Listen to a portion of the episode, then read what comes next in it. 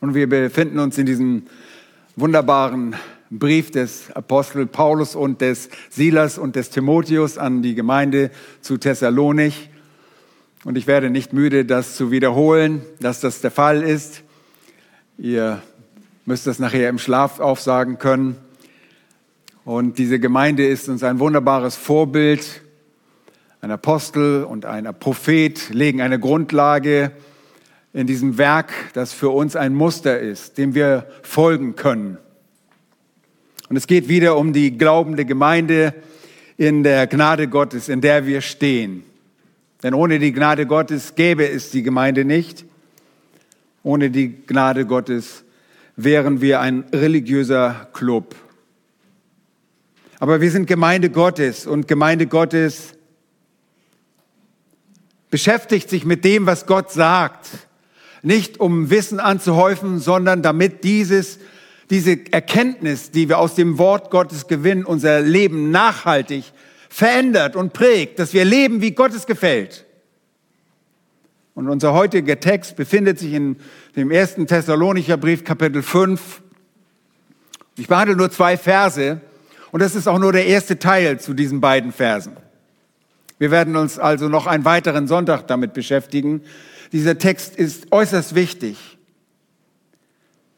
Und ich bitte euch, diesen Text aufzuschlagen, so dass ihr ihn in euren eigenen Bibel folgen könnt.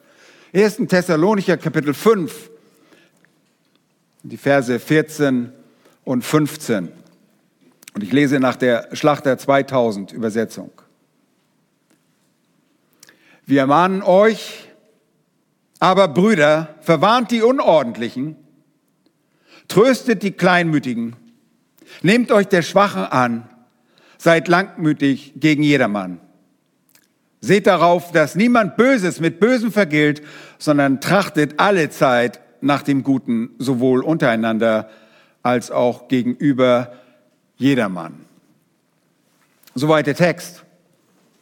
Zwei Verse, so bedeutend. Ihr Lieben, es ist offensichtlich, die Gemeinde ist nicht ein Ort, an dem perfekte Menschen zusammenkommen.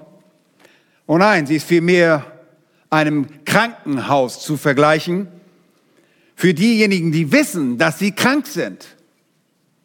Wir wissen, dass die Gemeinde ein Platz ist, in dem Sünder begnadigt werden, aber sie die Sünde noch immer als reale Bedrohung erleben. Wir erheben niemals selbst den Anspruch, perfekt zu sein.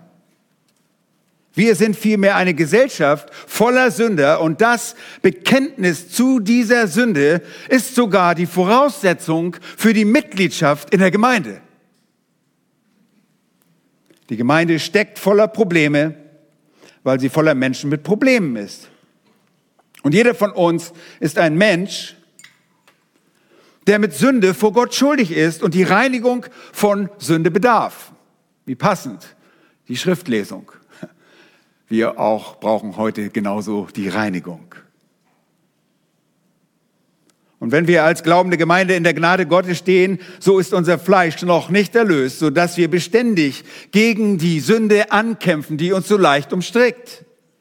Die Sünde scheint omnipräsent zu sein, allgegenwärtig. Sie umstrickt uns so leicht. Wir können aus diesem Gottesdienst gehen und denken, oh, ich bin ein guter Mensch. Ich bin auf dem Weg der Heiligung. Und an der Tür kann ich schon wieder sündigen. Oder in meinen Gedanken kann ich sogar hier in diesem Gottesdienst sündigen. Ich kann hier vorne auf der Predigt, auf der Kanzel stehen und sündigen. Alles möglich. Wir müssen als Gemeinde mit der Sünde richtig umgehen, denn die Gemeinde wächst geistlich entsprechend dem, wie wir mit der Sünde umgehen. Mit der Sünde, die in der Gemeinde selbst existiert. Und der Prozess des Gemeindewachstums ist demzufolge der Prozess der Beseitigung von Übertretung, Beseitigung von Frevel, Beseitigung von Sünde. Und wenn die Gemeinde sich effektiv weiterentwickeln soll, um das zu werden, was Gott für sie vorgesehen hat, muss sie sich um ihre eigenen internen Sünden kümmern. Das Gemeindewachstum ist von einem geistlichen Standpunkt aus betrachtet davon abhängig, wie gut wir mit Fehlschlägen, wie gut wir mit der Sünde umgehen. Und die beiden Verse in unserem Predigtext helfen uns dabei weiter. Wir wollen uns anhand des Textes fragen, wie wir das in unserer Gemeinde hier vor Ort umsetzen können. Zunächst können wir in dem Text mehrere schwierige Menschentypen erkennen. Und diese schwierigen Menschen in der Gemeinde können wir gewiss zeitweise alle einmal sein. Aber die Auflistung spricht eher von Personen, die sich gewohnheitsmäßig so durch ihr Verhalten herausstellen und immer wieder in dieselben Sünden fallen. Und das Missionsteam, das den Thessalonichern schreibt, gibt uns die Grundlage dafür, für diese fünf Kategorien, für diese fünf Gruppen von Menschen, die schwierig sind. Das sind fünf Kategorien von schwierigen Menschen, die das Wachstum einer Gemeinde hemmen, die es behindern, die die Effektivität einer Gemeinde aufhalten. Wir können heute nicht, wie gesagt, alle dieser Kategorien schon erklären, aber ich möchte zunächst zwei, identifiz alle identifizieren, aber zwei erklären und beim nächsten Mal dann den Rest. Die erste Gruppe nennen wir, wie im Text beschrieben, die Unordentlichen. Schaut einmal hinein, ganz deutlich, ist nicht zu verfehlen, verwarnt die Unordentlichen. Die Unordentlichen, das ist griechisch ataktos, das sind Leute, die selten oder nie im Einklang mit dem Rest der Gemeinde stehen. Sie kooperieren nicht. Sie scheren immer aus, sie tanzen aus der Reihe, sie scheren aus. Sie halten sich nicht an die Vorgaben. Lieben, wenn äh, die meisten rückwärts gehen, dann gehen sie garantiert vorwärts. Wenn wir links abbiegen, gehen sie garantiert nach rechts. Wenn alle anderen ordnungsgemäß ihre Position einnehmen, dann tanzen sie sicherlich aus der Reihe. Dann sind sie sicherlich irgendwo außerhalb ihrer ihnen zugewiesenen, äh, ihres zugewiesenen Platzes. Meist sind sie auch nicht interessiert daran, in die Gemeinde zu geben. Sie sind faul, vielleicht sogar echte Nichtstuer. Sie stehen dem Fortschreiten der Gemeinde im Wege. Sie sind in gewisser Weise unordentlich, militärisch gesehen gesprochen sogar unerlaubt abwesend. Sie sind oft apathisch, manchmal streitsüchtig und sehr häufig rebellisch. Sie füllen das gesamte Spektrum von Apathie, bis hin zur Rebellion. das sind die Unordentlichen, die einfach nie mit allem anderen gleichziehen. Sie hadern mit allem und wir werden gleich noch etwas mehr dazu sagen. Eine zweite Gruppe, die wir im Text erkennen, die das Wachstum und die Effektivität einer Gemeinde verhindern können, das sind die sogenannten Kleinmütigen. Diese Gruppe wird im Wesentlichen durch Angst getrieben. Es sind Menschen in der Gemeinde, die kein oder nur kleinen Mut haben. Wenig, sehr wenig Mut. Von ihnen stammen diese berühmten Worte, das haben wir noch nie getan. Sie geben euch ein Dutzend Gründe dafür, warum eure Vorschläge nicht umsetzbar sind. Sie haben wenig Mut zu dem ihnen Unbekannten und sie hassen die Veränderung. Sie lieben Tradition, sie äh, leben den Rhythmus, sie fürchten das Neuland und sie scheuen jegliches Risiko. Sie machen sich über alles und nichts Sorgen.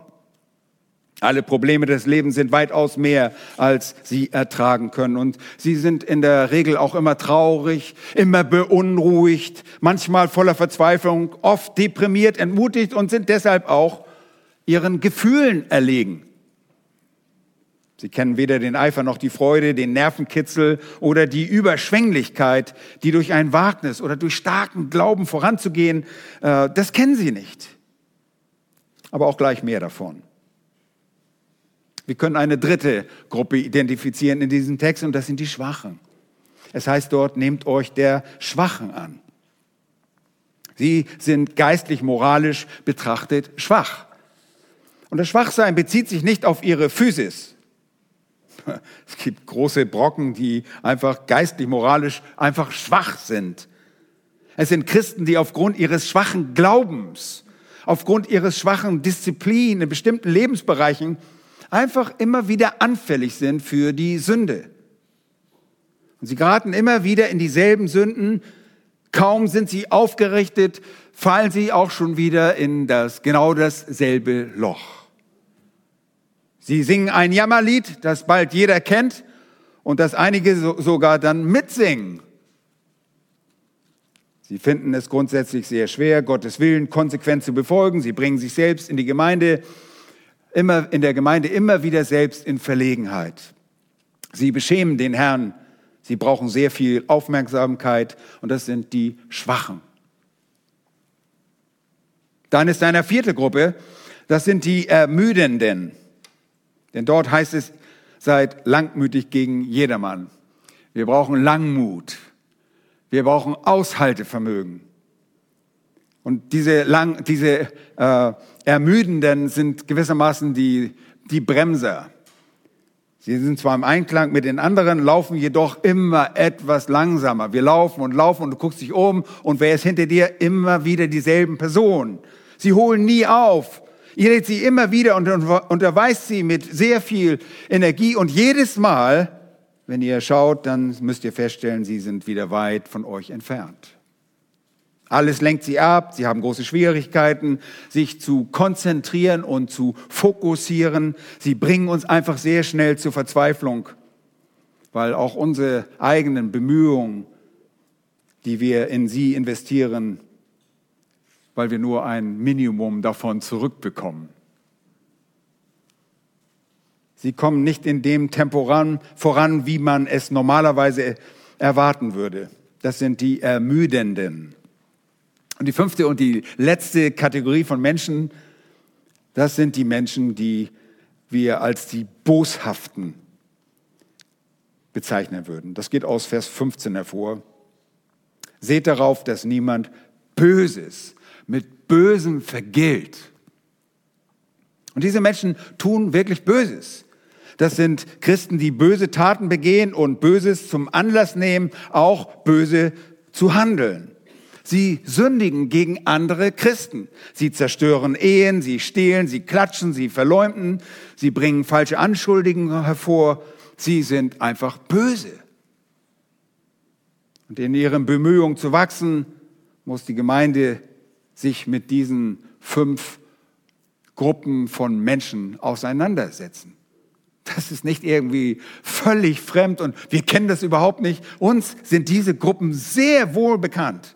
Die Unordentlichen, die Kleinmütigen, die Schwachen, die Ermüdenden und die Boshaften. Und es sollte uns nicht wundern, dass es solch eine Herausforderung ist, eine gesunde Gemeinde zu bauen. Denn diese Menschen sind real in unseren Gemeinden. All diese Leute benötigen geistliche Heilung. Wir gehören manchmal, wie ich sagte, in eine oder in die andere oder mehrere Kategorien. Und wir befinden uns dort und wir brauchen dann Heilung. Wir müssen dann wieder umkehren. Und vielleicht bist du aber auch blind dafür und realisierst nicht, dass es möglicherweise wirklich zu Leuten, dass du zu diesen Leuten gehörst. Vielleicht bist du einer von diesen Leuten. Die Unordentlichen müssen wieder in unsere Mitte geholt werden. Sie müssen in Reihe und Glied kommen. Und die Kleinmütigen müssen mehr Mut und Glauben und Kühnheit und Zuversicht gewinnen. Und die Schwachen müssen in ihrer Disziplin gestärkt werden in Fragen des heiligen Lebenswandels. Und die Ermüdenden müssen auf Trab gebracht werden und die Boshaften müssen rechtschaffen werden und ihrer Sünde überführt werden. Glaubt mir, es erfordert wirklich viel Arbeit und Ausdauer, all diese Menschen in Reihe und Glied zu bringen und Wachstum in der Gemeinde zu sehen. Das wollen wir. Und dann müssen wir genau diese Hindernisse, diese Person überwinden, dieses Problem angehen.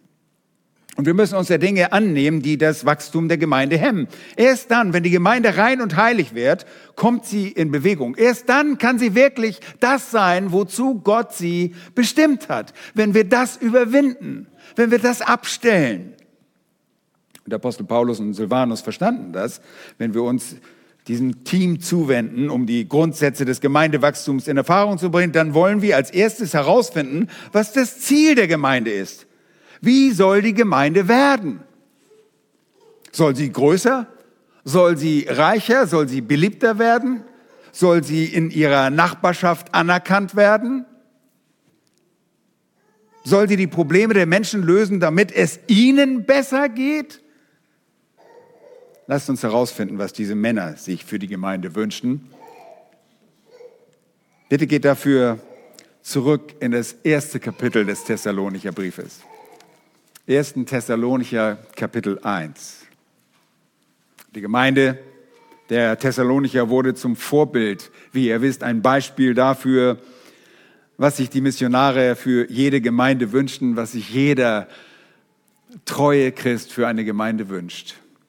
Und da schreiben sie in Vers 2, wir danken Gott alle Zeit für euch alle, wenn wir euch erwähnen in unseren Gebeten. Oh, dieses Missionsteam war so dankbar für diese Gemeinde, denn die Geschwister hatten das richtige Ziel vor Augen. Sie ließen keine Zweifel am Ziel ihres Dienstes. Geht man Kapitel weiter, Kapitel 2, Vers 10 und 11 heißt es, ihr seid Zeugen und auch Gott, wie heilig, gerecht und untadelig, wie ihr bei euch, den Gläubigen, gewesen sind. Ihr wisst ja, wie wir jeden einzelnen von euch ermahnt, ermutigt haben, wie ein Vater seine Kinder. Die Missionare bemühten sich, um was zu erreichen. Vers 12.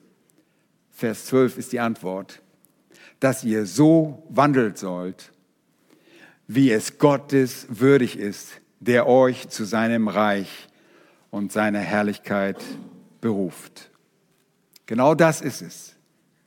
Und das ist auch unser Ziel, dass wir so wandeln, dass es unsere Berufung beziehungsweise Gott gegenüber, dass wir würdig wandeln. Und deshalb sandten sie auch Timotheus, obwohl das für Paulus bedeutete, dass er wo alleine blieb? In Athen. Er musste allein in Athen zurückbleiben. Paulus war so besorgt um den ordentlichen Lebenswandel der Thessalonicher, obwohl ihr Glaube stark sei und sich wohl recht entwickelte, wollte er wissen, wie geht es ihnen wohl unter diesen Verfolgungen und Bedrängnissen. Das wollte er herausfinden. Kapitel 3, 8 sagt er, oh, nun leben wir, wenn ihr fest steht im Herrn. Er hatte die Botschaft von Timotheus erhalten, dass es ihnen gut geht. Er war besorgt um ihre geistliche Stärke und wir lesen in Vers 10, Tag und Nacht flehen wir aufs Allerdringendste, dass wir euer Angesicht sehen und ergänzen dürfen. Warum was? Das ergänzen dürfen, was an eurem Glauben noch mangelt. Seht, sie wollten einen gefestigten, reifen Glauben inmitten der Thessalonicher. Wollen wir das nicht auch? Wollen wir das nicht auch hier in unserer Gemeinde?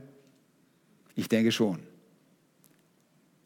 Das war das Ziel und das ist unser Ziel. Das war das Ziel ihrer Gebete und Bemühungen. Und das war es, worauf diese Leute aus waren, diese Missionare, die von Gott gesandten. Und so schreiben sie in den Versen 11 und 12, er selbst aber Gott, unser Vater, unser Herr Jesus Christus, lenke unseren Weg zu euch. Euch aber lasse der Herr wachsen und überströmt werden in der Liebe zueinander wir wollen, sagen sie, dass ihr einander liebt und das noch mehr tut. Und zu allen gleich wie, Vers 12 und in der zweiten Hälfte dort, gleich wie auch wir sie zu euch haben, damit eure Herzen gestärkt und untadelig erfunden werden in Heiligkeit vor unserem Gott und Vater. Bei all ihren Bestrebungen ging es ihnen um Glauben und Liebe und Tugend. Und dann schaut mal weiter in Kapitel 4, Vers 1.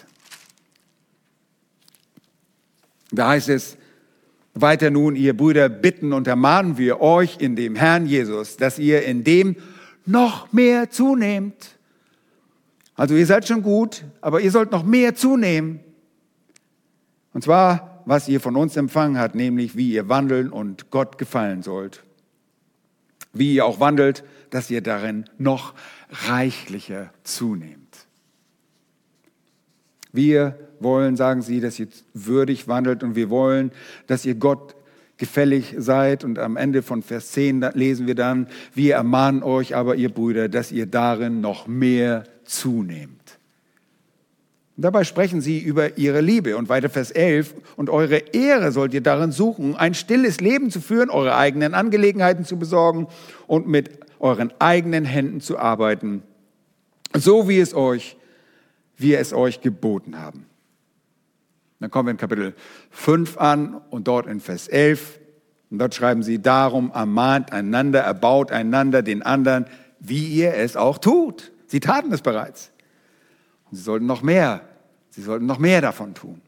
Schließlich dann das Segensgebet in Kapitel 5, das haben wir noch nicht betrachtet, Vers 23, er selber aber, der Gott des Friedens, heilige euch durch und durch. Und euer ganzes Wesen, der Geist, die Seele und der Leib möge untadelig bewahrt werden bei der Wiederkunft unseres Herrn Jesus Christus. Und ihr Lieben, das Ganze lässt keinen Zweifel daran, was Gemeindewachstum für diese Männer bedeutete. Es ging darum, das Leben der Gläubigen zu stärken. Und zwar mit dem Wissen, dass die Gemeinde an Effektivität und Dynamik gewinnt, wenn sie die Hindernisse beseitigt, die diejenigen darstellen, welche die Gemeinde daran hindern. Deshalb verwenden der Apostel Paulus und der Prophet Silas einen Großteil ihrer Energie, ihrer Ressourcen, ihre Gebete und ihre Leidenschaften dafür, eine geistlich gesunde Gemeinde zu formen.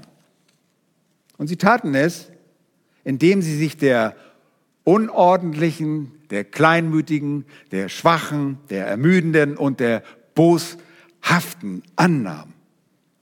Und sie zielten darauf ab, sie in rechtschaffende, Gott wohlgefällige Menschen zu verwandeln. Dafür fordern sie nun die Geschwister in Thessalonik dazu auf, dieses Muster selbst zu leben. Und die Missionare freuten sich über das Erreichte. Zurück in Kapitel 1, Vers 3 schreiben sie, indem wir unablässig gedenken an das Werk im Glauben und eure Bemühungen in der Liebe, euer standhaftes Ausharren in der Hoffnung. Vers 6, und ihr seid unsere und des Herrn Nachahmer geworden. Sie freuten sich so rüber. Erinnert euch noch, die ersten Mal, als wir die Texte uns angeschaut haben, die kamen gar nicht aus der Freude raus. Man hat den Eindruck, das waren, das waren nur Honigkuchenpferde, so haben die gestrahlt. Ja. Die haben sich so gefreut. Und dann Vers 7, so dass ihr, ihr seid Vorbilder geworden. Ihr seid Vorbilder geworden für alle Gläubigen Mazedonien und Achaia. Und dann Vers 8, denn von euch ist das Wort des Herrn erklungen, nicht nur in der Mazedonien und Achaia, sondern überall ist euer Glaube an Gott bekannt geworden. Und jeder wusste, dass sie sich von den Götzen abgekehrt haben, um dem wahren, lebendigen Gott zu dienen. Jeder weiß, dass ihr auf den Sohn Gottes aus dem Himmel wartet. Oh, die Thessalonicher hatten wirklich gute Arbeit geleistet bei der Evangelisation das war ein Beweis ihres Glaubens. Welch eine Freude war das für sie. Wie können sie dies im gesamten Brief immer wieder, können wir das sehen und sie loben sie immer wieder auch dafür und sagen, aber, aber ihr könnt noch ein bisschen besser, ihr könnt noch ein bisschen weitergehen. Es gab viel Freude, wenn die Gemeinde wuchs und sich entwickelte.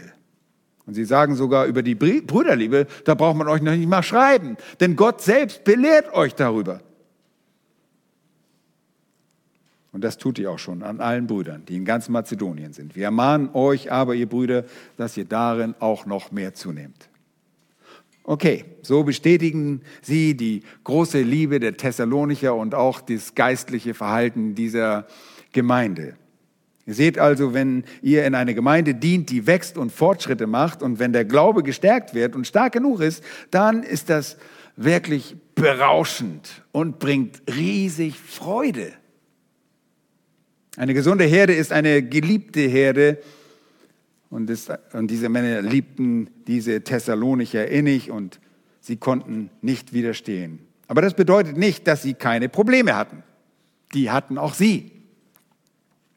Und wenn ihr unseren Text anschaut, nochmals Verse 14 und 15 in Kapitel 5, dann begegnen wir dort diesen schwierigen Menschen. Und obwohl die Gemeinde in Thessalonik wuchs, und gedieh, hatten sie dennoch Probleme.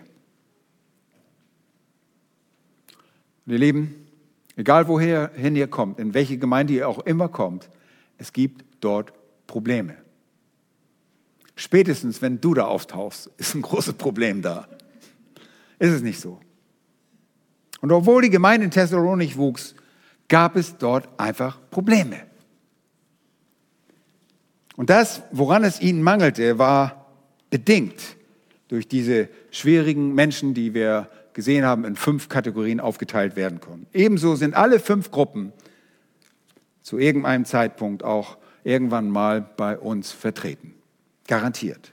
Übrigens, bevor ihr jetzt anfangt, euch umzuschauen und versucht, den Nachbarn einzuordnen in irgendeine dieser Kategorien, äh, versucht das auf euch zu münzen, denn wir gehören alle irgendeinmal in irgendeine dieser Kategorien. Ist es nicht so? Erinnern wir uns nicht an, an Dinge, wo wir aus dem Takt geraten sind, wo wir nicht mehr in Reihe und Glied gelaufen sind, wo wir schwach im Glauben sind, wo wir kleinmütig sind oder sogar bösartig waren? Absolut. Aber Paulus sagte in 2. Korinther 11, 28, es sei die Sorge für alle Gemeinden, Gemeinden, die ihm eine große Last darstellen. Er sagt, das gehe über alle körperlichen Schmerzen hinaus. Und das ist ein Schmerz, das mitzuerleben, dass wir so leben, wie die Heiden leben manchmal. Zu all den Schmerzen, den Peitschenhieben, die er tatsächlich auch physisch bekam, den Rutenhieben, mit denen sein Körper misshandelt wurde, kommt die Sorge für die Gemeinden. Kolosser 2 sagt er, ich will aber, dass ihr wisst, welch großen Kampf ich um euch habe in Kolosse. Um es anders auszudrücken, ihr seid meine große Last. Das ist eine große Last für mich, alle Gemeinden auf dem Buckel zu haben, die wachsen müssen. Oh, wer hatte sämtliche Gemeinden auf dem Buckel? Eine reicht für Älteste normalerweise auch schon, aber auch für euch. Ihr wisst, wie das ist. Wir haben, tragen diese Lasten. Und der hatte eine ganze, ganze, ein ganzes Dutzend von Gemeinden, die er gegründet hatte. In diesen beiden Versen, in denen Paulus und seine Männer die fünf Gruppen definieren, sagen sie uns auch, wie wir mit diesen Menschen umgehen sollen. Ist das nicht gut? Stell dir vor, er würde sagen, Amen. Schluss, das sind die fünf Gruppen. Nein, er zeigt uns, wie wir mit diesen Leuten umgehen sollen. Und das wird der Inhalt, der Rest dieser Predigt sein. Verse 12 und 13 bezogen. Sie sich auf die wechselseitige Beziehung zunächst einmal zwischen den Hirten und der Herde. Vers 16 dann folgen der, äh, das Handeln und die Beziehung der Herde zum obersten Hirte zum obersten Hirten. Und unser Text behandelt die Beziehung untereinander, der Schafe zueinander. Und das finde ich so wunderbar. Das hat mich so ermutigt diese Woche, als ich das studiert habe. Dieser kurze Absatz deckt alles ab. Und jetzt geht es darum, wie wir einander behandeln sollen. Oh, nee, nee, das, das ist nicht nur die Ältesten und so, die sollen das machen. Nee, nee, jetzt seid ihr gefragt. Ah, das freut mich. Ja, jeder Einzelne ist gefragt. Das ist gut. Und sie sagten den Schafen, wie sie zunächst mal ihre Hirten behandeln sollen und jetzt geht es daran, wie sie einander behandeln sollen. Ihr erinnert euch daran. Er sagt erst, schätzt eure Hirten, achtet sie, ordnet euch ihnen unter. Und dann sagt er später noch, wie sie dem Großen, dem Hirten der, ihrer Seelen, wie sie mit ihm umgehen sollen, dass sie sich nämlich alle Zeit freuen sollen, dass sie ohne Unterlass beten sollen, dankbar sein sollen und den Geist nicht dämpfen sollen. Und andere Sachen noch. Aber hier in unserem Text von heute konzentrieren sie sich darauf, wie die Schafe miteinander umgehen sollen, untereinander. Und das Schlüsselwort in Vers 14 ist, schaut hinein, wie zuvor in Vers 12, Brüder. Oh, sagen die Schwestern, wir gehen nach Hause. Wieder mal was für euch, Brüder, das ist für euch. Nein, nein. Damit sind die Gemeindeleute gemeint. Die Glaubensgeschwister in der Gemeinde gemeint. Schwestern, kommt ja nicht zu mir und sagt, ich bin ja nicht gemeint. Ihr seid auch gemeint. Obwohl es sicherlich eine Verantwortung seitens der Hirten gibt und sie ihre einzigartige Autorität bei der Konfrontation dieser fünf Gruppen auch gefordert ist und dass wir sie ausüben müssen, sind die Übergänge zwischen dem Hirten und der Herde in dieser Hinsicht absolut fließend. Oh, das ist so eine Erleichterung für mich. Ich bin nicht nur der Einzige. Stell dir vor, ich müsste immer nur jemanden zurechtweisen oder trösten und, und äh, ja, den Unordentlichen verwahren. Dann würde der, der, die Ältesten wären immer nur die Buhmänner. Ja, die meckern immer nur mit uns rum. Aber nein, wir sind alle füreinander verantwortlich. Sie sprechen zu den Schafen und sagen ihnen, wie sie mit anderen Schafen umgehen sollen. Das entbindet uns nicht von unserer Arbeit, das ist überhaupt nicht der Fall, aber schließt jeden anderen mit ein. Der erforderliche Umgang mit diesen Geschwistern ist eine Aufgabe der ganzen Gemeinde. Übrigens auch könnt ihr feststellen, Römer 12 könnt ihr vielleicht mal nachlesen zu Hause. 12, 14 bis 17 ist eine ähnliche Stoßrichtung. Auch sie richten sich offensichtlich an alle Gemeindeglieder, diese Verse dort. Aber das Missionsteam weist auch mit offenen Worten darauf hin, dass es eine gewisse Dringlichkeit gibt. Schaut mal, da heißt es in dem Text, wir ermahnen euch. Und wir kennen dieses Wort mittlerweile. Ihr seid richtige griechische Profis. Parakaleo. Ihr träumt vielleicht schon davon. Parakaleo, das heißt, ermahnen, an die Seite von jemandem kommen, ihm helfen. Das hat aber einen Unterton von Dringlichkeit. Da ist eine gewisse äh, Erfordernis drin. Und sie ermutigen die Schafe also eindringlich und eifrig, allen Schafen, die Hilfe brauchen, zur Seite zu stehen. Seht ihr, bei einer Gemeinde geht es nicht nur darum, am Sonntag zu erscheinen und dann zu sagen, oh, ich war in der Gemeinde, oh, ich kann mir einen Haken machen, ich war wieder da, die können ja gar nicht mit mir meckern, ich habe meine Pflicht auch erfüllt. Leute, darum geht es überhaupt nicht in der Gemeinde. Dass ihr hier erscheint und sagt, oh, ich war toll. Hier geht es darum, sich auf diese fünf Gruppen von Menschen einzulassen, ihnen in rechter Weise zu begegnen, weil sie das Wachstum der Gemeinde ansonsten verhindern. Nun lasst uns mit den Unordentlichen beginnen. Die Gruppe Nummer eins, die Unordentlichen. Vers 14 sagt, und die Missionare schreiben, wir ermahnen euch, Brüder, verwarnt die Unordentlichen. Ihr seht, diese kurzes ermahnt, wir ermahnen euch, ist eine Einleitung zu all diesen Aufforderungen, die jetzt folgen, zu den anderen Gruppen. Das alles hat eine Dringlichkeit. Aber das erste zielt auf die Unordentlichen. Und da sagt er, wir ermahnen euch, verwarnt die Unordentlichen. Und das Wort für Unordentlichen ist Ataktos. Für die Unordentlichen, das ist so ein militärischer Begriff, das bedeutet aus der Reihe tanzen. Es beinhaltete die Vorstellung, dass ein Soldat nicht im Einklang mit den anderen war, dass er sich sogar unerlaubterweise äh, verhalten hatte, dass er nicht in Reihe und Glied marschierte. Ihr wisst ja, wie Soldaten manchmal marschieren und da äh, könnt ihr euch einen vorstellen, der daneben herläuft oder andersrum läuft und so einer ist da angesprochen. Es war ein Soldat, der widerspenstig war, der sich nicht unterordnete und der die Missfehle, Befehle einfach missachtete. Er erfüllte seine Pflicht nicht, er scherte aus. Und schließlich wurde aus diesem Begriff ein allgemeiner Begriff für Leute, die einfach nur ausscheren und nicht ihren Pflichten nachkommen. Jemand anders übersetzte diesen Begriff als Nichtstuer oder Drückeberger, faul, träge oder arbeitsscheu oder einfach apathisch, wurde auch vorgeschlagen. Aber es muss nicht nur das bedeuten, es kann auch für jemanden stehen, der seine Pflicht nicht nur aus Apathie nicht erfüllt, sondern vor allem auch aus Rebellion. Der sagt, no, ich will nicht. Und dieses Wort wird im ganzen Neuen Testament nur an dieser einen Stelle verwendet. Und im zweiten Thessalonicher Bericht gibt es verwandte Worte. Und dort in Kapitel 3, in den Versen 6, 7 und 11 wird ein verwandtes Wort gebraucht, ein ein Wort, das äh, sich auf faule Wichtigtuer bezieht, die nicht arbeiten und erwarten, dass alle anderen die Arbeit, die, ja, nein, sie erwarten, dass alle anderen die Arbeit für sie tun und sie noch möglicherweise dabei versorgen und sie sich um sie kümmern. Wir kommen darauf auch noch zu sprechen in ein paar Monaten. Für uns beziehen sich die Unordentlichen auf solche, die ausscheren. Sie sind nicht im Einklang mit anderen. Alle anderen, nochmals, sie gehen in eine Richtung Oh, aber diese Unordentliche, der geht in eine andere Richtung. Alle anderen verstehen ihre geistlichen Pflichten, nur diese Person versteht irgendwie die geistliche Pflicht nicht.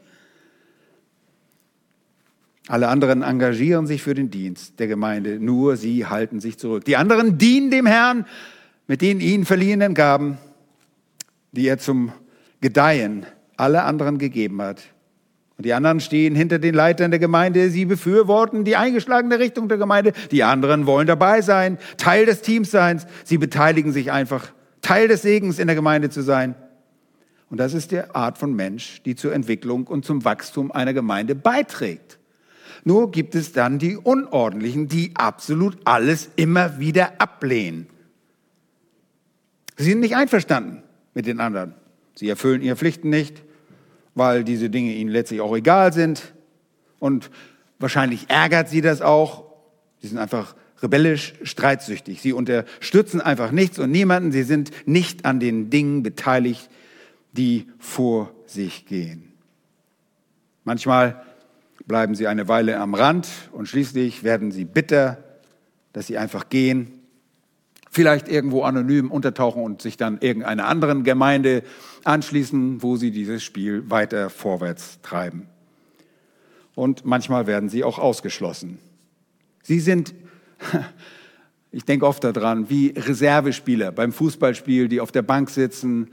Und so Profispieler wollen nicht auf der Bank sitzen die sitzen da und wenn, während sie da so sitzen, gucken sie sich ihre Mitspieler an und kritisieren sie sehr leid und denken, ho, das hätte ich auch gekonnt, den hätte ich reingemacht. Ja? So sind diese Unordentlichen, als Menschen, die sich jeglichen Engagement widersetzen, die nie über die Zuhörermentalität hinausgehen wollen. Was immer der Grund ist ob es Apathie oder Rebellion ist. Das sind die Unordentlichen. Oh, und Sie beobachten dabei möglichst genau in einem geeigneten Moment, melden Sie sich zu Wort, um zu kritisieren, aber das nicht, um selbst tätig zu werden, sondern zu zerstören. Das ist traurig. Du denkst, oh, ha, ich habe einen Fehler gesehen, jetzt hau ich zu. Und sonst hört man von diesen Leuten nichts. Aber wehe, du machst einen Fehler, dann sind sie da. Und so ist die Rebellion der Unordentlichen. Diese Menschen wollen einfach nur am Rande bleiben, weiter nichts. Sie wollen sich nicht beteiligen, sie lehnen jene Rechenschaftspflicht ab, sie wollen wirklich nichts damit zu tun haben. Kein Teil davon werden. Sie gehen einfach nicht im Gleichschritt mit anderen. Und ihr Lieben, das ist unerträgliches Verhalten in einer wachsenden Gemeinde. Und wie sollen wir damit umgehen? Schaut in den Text. Wir müssen sie was? Vermahnen.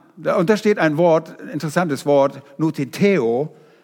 Es gibt ein Wort, das Parakaleo, das sehr ähnlich ist, aber man kann ja nicht zweimal hintereinander ermahnen sagen. Also sagen sie vermahnen. Aber dieses Wort ist ein Belehren des Verstandes. Wir belehren, wir weisen zurück, wir mahnen mit Belehrung. Ja, das Parakaleo heißt an die Seite rufen. Das, das sagt noch nicht, wie wir das machen, obwohl das ähm, Zusammenhang wahrscheinlich genauso belehrend sein wird. Wenn man jemand ruft, dann muss man jemand belehren. Und so ist dieses Wort ist ein belehrendes Ermahnen. Aber es gibt weder eine Formel noch ein Programm oder ein System für die Lösung des Problems. Einzelne Schafe gehen zu diesen Schafen, wenn sie unordentlich wandeln, und sie müssen sie nutiteo, sie müssen sie belehren, ermahnen, belehren. Und ihr Lieben, das, das ist nicht die Aufgabe nur der Ältestenschaft, sondern du siehst deinen Bruder und der sagst, oh, der wandelt nicht richtig. Dann gehst du auf ihn zu. Und zwar nicht mit dem Holzhammer, sondern du kommst an seine Seite und sagst, Bruder, da stimmt was mit dir nicht. Ich möchte dir helfen. Du brauchst Hilfe, mein Bruder.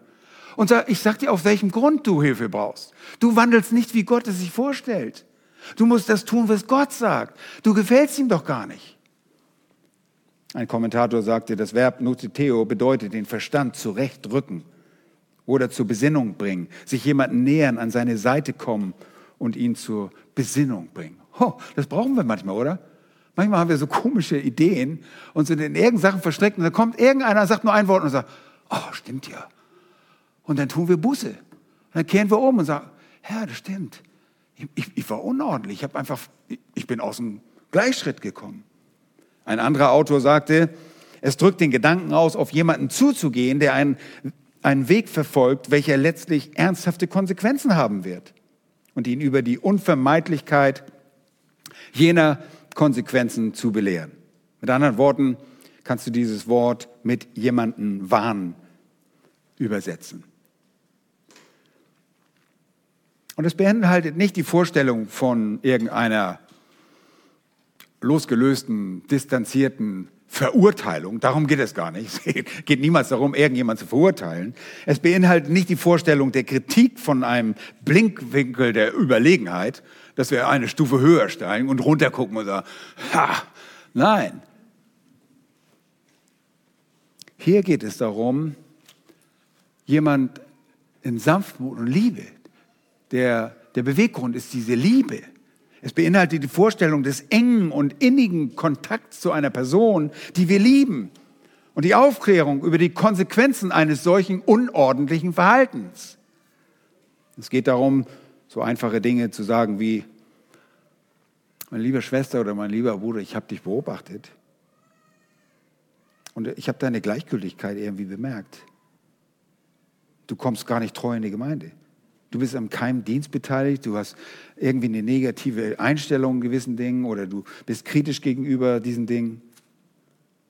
Und lieber, ihr Lieben, das machen nicht nur die Ältesten.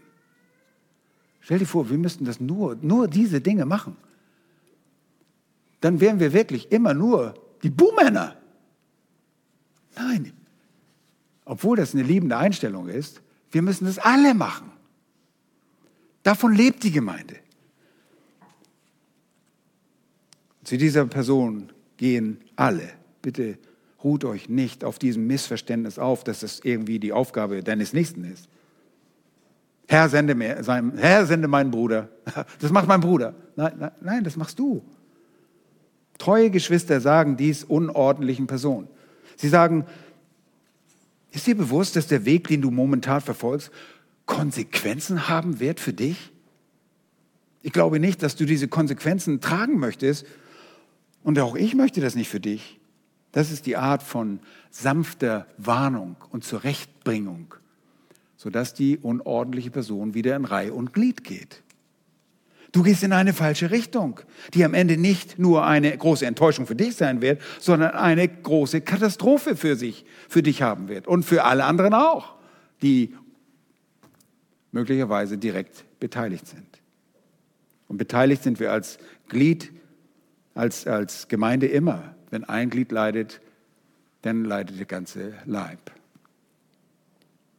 Und dann gibt man der entsprechenden Person biblische Gründe, warum das so sein wird. Das ist das Be Belehren. Das ist eine Warnung, die Paulus und den Ältesten in Ephesus gab unter Tränen, die wir in Apostelgeschichte 20, 31 lesen. Und diese Warnung ist voller Leidenschaft, sie drückt Schmerzen aus, die sagen, ich will nicht, dass du so weitermachst, weil am Ende dieses Weges, äh, Weges Konsequenzen da sind, die du nicht tragen möchtest. Und wenn ihr jemanden wirklich liebt, zögert ihr nicht, ihn zu warnen. Ordnet euch nicht wegen irgendeines Ziels, das ich verfolge, sondern weil ich nicht möchte, dass ihr die Konsequenzen tragen sollt, müsst ordnet euch deshalb wieder in Reih und Glied ein. Ich möchte, dass ihr den uneingeschränkten Genuss von Gottes Segen und Gottes Fürsorge erhaltet.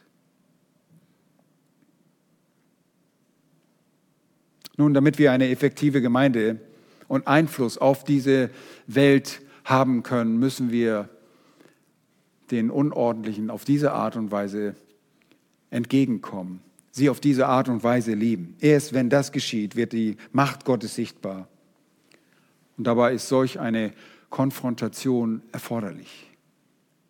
Bei einer Gemeinde geht es nicht darum, ein Gebäude zu bekommen und sich hinzusetzen und dann vielleicht den Hinterkopf des Vordermanns anzugucken und festzustellen, Mensch, der hat ja Schuppen.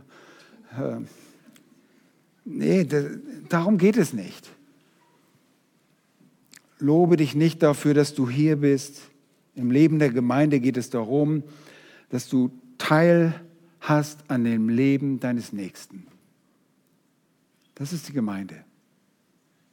Wir sind nicht nur Besucher.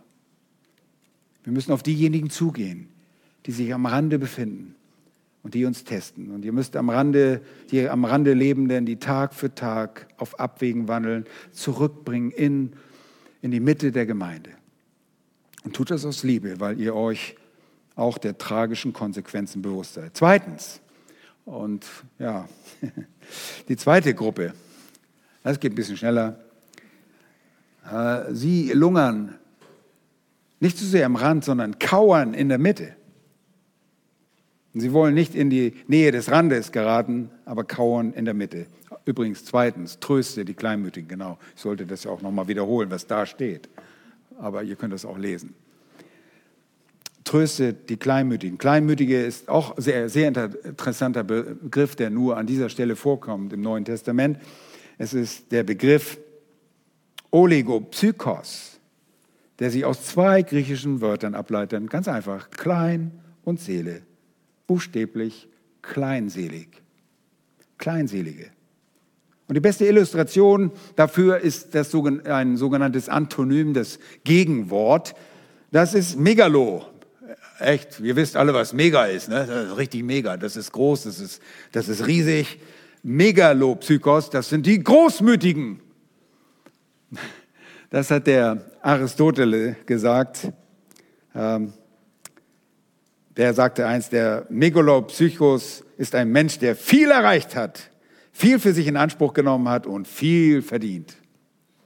Aber als der indische Rechtsanwalt und Morallehrer äh, Mohandas Gandhi, ein Pazifist und Asket, den so vielen Menschen so demütig halten, als dieser sich einen bezeichnenden Namen geben wollte, wählte er das gewisse Äquivalent für Megalopsychos. Und das heißt in Sanskrit Mahatma. Ihr habt gerade gedacht, boah, man kann nicht mal Mahatma lesen. Aber das, das, das war, nein, der heißt Mohandas Gandhi und er hat sich den Namen Mahatma gegeben, der Großselige. Ha, der war großmütig. Der Großmütige, der war in der Lage, die Größe, die massiven Probleme und Bedürfnisse dieses großen Teils des Landes und dieser Menschheit zu erfassen. Nun, dieses Wort bezieht sich auf Menschen, die große Risiken eingehen, weil bedeutende Grundsätze und Wahrheiten auf dem Spiel stehen. Er bezieht sich auf mutige, kühne Personen, die ihr Leben aufs Spiel setzen, eine Ehre sogar riskieren für eine Sache. Es bezieht sich auf Menschen, die abenteuerlustig sind und Herausforderungen lieben. Ich kenne solche Leute. Manchmal habe ich gedacht, sie sind verrückt, aber sie haben wirklich Glauben gehabt. Das bezieht sich auf solche, die nach Konkurrenz streben, die die Schlacht lieben, weil sie Siegen lieben. Sie sind es, die dem Angesicht von Schwierigkeiten keine Angst kennen. Aber ihr Lieben, hier schreiben sie nicht von solchen Leuten, sondern sie schreiben von den Kleinmütigen, von den Schwachen, von denen, die schwachen Glaubens sind. Es sind die Oligopsychos, die Kleinmütigen. Oh, sie hassen Veränderung. Oh, meine Güte, die kommen in die Gemeinde und, und du sitzt auf ihrem Platz und sie wissen gar nicht, wo soll ich mich denn jetzt hinsetzen? Ich habe doch immer da gesessen. Ja, das ist, nun, das ist eine bisschen Übertreibung, aber sie lieben Tradition. Gleichbleiben. Sie wollen alles so tun, wie es immer schon war. Und wehe da, oh, das ist eine andere Sitzordnung in der Gemeinde. Ich kann nicht mehr zuhören. Das ist alles, das bringt mich durcheinander. Sie fürchten einfach das Unbekannte. Sie machen sich über alles Sorgen.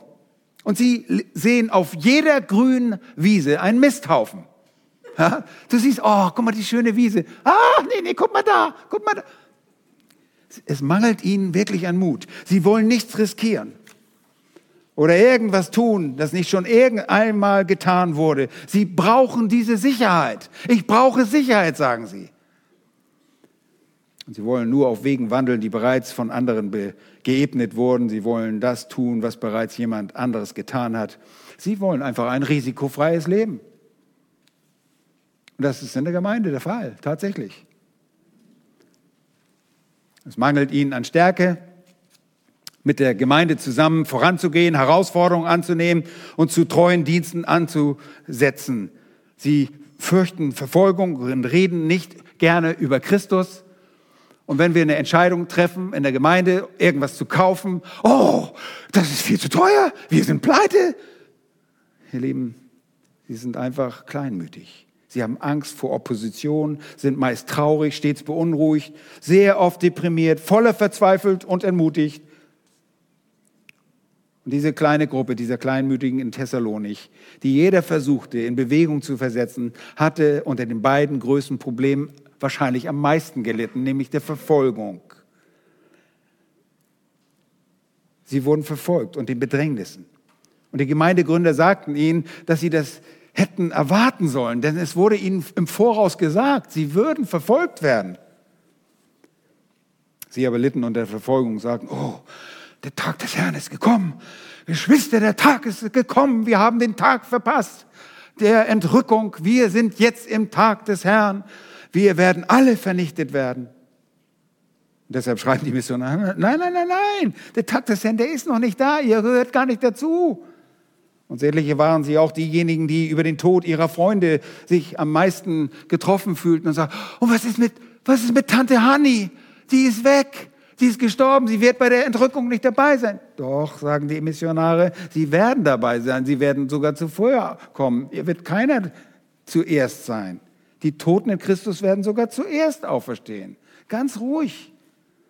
Und ihr werdet mit ihnen zusammen in der Luft dem Herrn entgegenrollt. Also geht zu diesen Besorgten, ihr Lieben, und tröstet sie mit diesen Worten. Erinnert euch? Mit diesen, tröstet einander mit diesen Worten. Ihr Lieben, jede Gemeinde hat diese kleinmütigen Menschen. Es mangelt ihnen an geistlichem Vertrauen gegenüber Wagnissen. Sie können nicht über ihre Probleme hinauswachsen und sie leiden unter allem. Alle Probleme des Lebens sind mehr, als sie ertragen können. Und sie sind ständig niedergeschaltet. Oh, die Welt ist so schlimm. Oh, es geht alles unter. Ja, ich, ich sehe es vor Augen. Ja, es ist wirklich eine absolute Kleinmut vorhanden. Leben, das ist nicht moralisch neutral und wir sollen nicht, oh, oh, ja, oh, nein, wir müssen sie zurechtweisen, wir müssen ihnen helfen. Pass auf, was müssen wir? Wir müssen sie trösten. Mit der Wahrheit mit der Wahrheit. Wunderbare Worte. Sie bedeuten, mit jemandem zu sprechen, indem wir ihn uns annähern, an dessen Seite kommen und sagen, stopp. Du machst dir Sorgen über Dinge, die nicht mal real sind. Du weißt nicht, was morgen ist. Du machst dir jetzt schon Sorgen über deine, deine Pension oder deine Rente. Meine Güte, vielleicht ist der Herr schon lange hier. Du brauchst dir keine Sorgen machen. Du brauchst nicht so kleinmütig sein. Du sollst dir keine Sorgen machen, denn der Herr sorgt für dich. Und das muss, genau dieses Trösten muss zwischen den Schafen stattfinden. Bitte wartet nicht, bis irgendwie so ein Oberguru kommt da und euch sagt, oh, ganz ruhig, Leute. Macht das doch einander. Macht das untereinander. Davon lebt die Gemeinde. Und ihr tut das auch. Ich weiß es. Und das ist so schön zu sehen. Wenn ihr jemanden kennt, der ängstlich oder beunruhigt ist, ständig zweifelt oder traurig ist, der sich nicht über Probleme des Alltags hinwegsehen kann, wenn ihr so eine Person kennt, dann müsst ihr euch dieser Person annehmen und sie trösten. Und ihr müsst eine freundliche Beziehung aufbauen. Und hier ist der Gedanke enthalten, sich jemanden anzunähern, um ihn zu trösten, zu ermutigen und zu stärken. Und das können wir wie? Kraft des Wortes Gottes. Waren wir nicht alle mal so in so einer Situation, Panik in den Augen, das große P, und dann kommt einer und sagt ein Wort und sagt, oh ja, stimmt, du hast recht, habe ich total vergessen. Habe ich völlig übersehen, habe mein Gott nicht vertraut. Weißt du, was man dann macht, als solcher, der kleinmütig ist? Dann sagt man, Herr, vergib mir, dass ich dir nicht vertraut habe. Ich bin ja so ein Ochse, so ein Esel. Ich vertraue mir selbst. Und dann bist du echt verlassen. Dann hast du wirklich Grund, Sorgen zu machen. Wenn du dir selber vertraust, oh Backe, dann gehen wir wirklich unter. Also hier ist der Gedanke, sich eine Beziehung aufzubauen und deinen Nächsten zu stärken. Und wir können nichts anderes tun, als uns dieser Person zu nähern, um sie sanft zu ermutigen. Und das wäre der Situation sehr ähnlich, die wir in 1. Thessalonicher 2, 7 beschreiben oder beschrieben sehen wo es heißt, wir waren liebevoll in eurer Mitte, wie eine stillende Mutter ihre Kinder pflegt, weil wir euch so zugeneigt waren. Wir haben euch so sehr geliebt, dass wir euch gestillt und genährt haben. Sanfte Ermutigung. Und ich komme zum Ende. Wenn die Gemeinde effektiv sein will und wachsen soll, dann müssen wir uns der Unordentlichen annehmen und sie ermahnen, belehren, ermahnen, belehren oder vermahnen, wie es hier steht.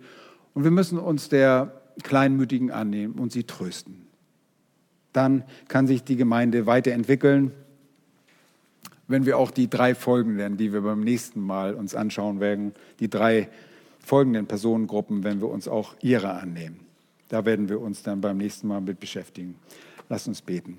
Herr, wir sind dir so dankbar für die Gnade, die du uns erweist, indem du uns Anweisungen gibst in, Wort, in deinem Wort, wie wir alle miteinander umgehen sollen. Herr, und manchmal gehören wir in eine oder mehrere dieser Gruppen und wir wollen da nicht sein. Und manchmal denken wir, wie lächerlich sind wir eigentlich, dass wir so komisch sind, dass wir ausscheren, obwohl du immer das Beste für uns willst. Wie Leithammel, die eine Herde in eine falsche Richtung ziehen wollen, rennen wir einfach weg. Und du musst uns zurückholen. Und du bist so gütig. Und du ermahnst uns, auch durch unsere Geschwister. Hilf, dass wir selbst auch Ermahnung annehmen, dass wir uns nicht erheben und meinen, wir hätten es überhaupt nicht nötig. Hilf uns auch, die Kleinmütigen zu trösten und uns selbst trösten zu lassen und zu ermutigen lassen, wenn wir keinen Glauben haben, wenn wir dir nicht zutrauen. Oh, vergib uns, dass wir dir nicht zutrauen. Aber es gibt solche Momente, wo wir da sind und wo wir Leute zum Bremsen bringen, wo wir das Gemeindewachstum aufhalten, weil wir dir nicht zutrauen. Oh Herr, danke für diese Anweisung aus deinem Wort. Hilf uns, deine Gemeinde reinzuhalten indem wir diesen Aufforderungen nachkommen, zu deiner Verherrlichung. Amen.